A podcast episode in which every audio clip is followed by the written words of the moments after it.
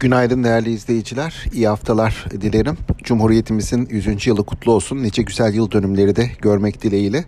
Geçtiğimiz haftanın son gününde jeopolitik risk algısının artışıyla altın fiyatları 5 ayın ardından yeniden 2000 doların üzerine e, çıktı.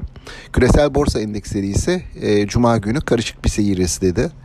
Artan e, jeopolitik bir risk algısı vardı hafta boyunca. Aslında e, günden güne farklılık gösteren e, dalgalı bir piyasa yapısı izledik. Haftanın son e, gününde de BIST 100 endeksi olumlu kapanış yapan taraftaydı. E, böylece BIST 100 e, günü %0.6 haftayı da %2.6 artışla kapattı.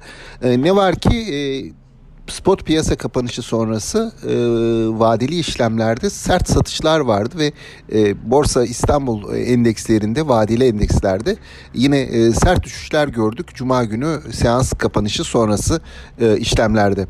E, bu nedenle bu haftaya başlarken bu Cuma günü vadeli endekslerde gördüğümüz satış baskısının e, BIST 100 tarafında da spot endeks tarafında da bir yansıması olur mu beklentisi piyasada hakim bu bir miktar e, satış baskısı yaratabilir e, şeklinde şeklinde bir düşünce var.